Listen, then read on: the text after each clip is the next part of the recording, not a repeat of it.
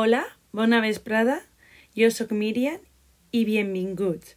Benvinguts a aquest nou episodi del postcard quart de la llengua oral. Amb aquest episodi nosaltres finalitzem el nostre postcard. Espero que us hagi agradat. En el qual anem a parlar sobre les teories sobre l'aprenentatge de la L2.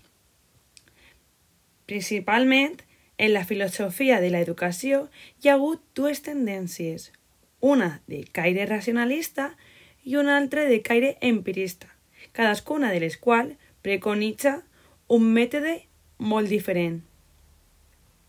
El racionalisme incorpora el mètode deductiu axiomàtic i tot agafat com una disciplina model les matemàtiques.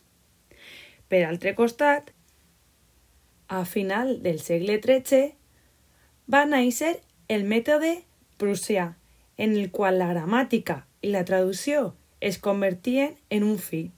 El professor en devingué el protagonista del procés educatiu i l'aprenentatge de la llengua passa a un segon lloc. L'empirisme utilitza el mètode inductiu experimental propi de les ciències de la natura. Per altre costat, en la història de l'ensenyança-aprenentatge de les llengües ha estat el model tradicional, cultural, viu, directe, humanístic, inductiu, contextual i comunicatiu en actualitat.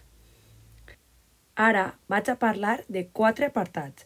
El primer apartat del qual parlarem és la gramàtica traducció, que es basa en la normativa i la gramàtica de la L2, que és l'ensenyança de la relació con la L1, prima la memorialització i la traducció.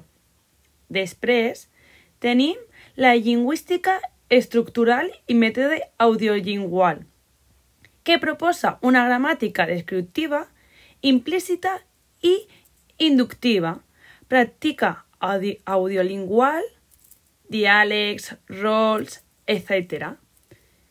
Per altre costat, tenim la gramàtica generativa i amb un enfocament cognitiu. Suposa una base comuna per a totes les llengües i treballar els aspectes diferents de la L2.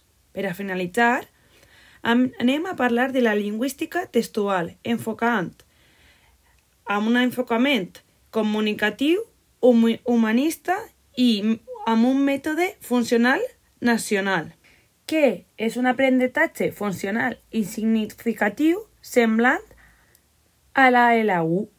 Fins aquí el nostre podcast. Esperem que us hagi agradat tant com a nosaltres fer-ho i que hagueu après amb nosaltres. Adeu! Fins altra!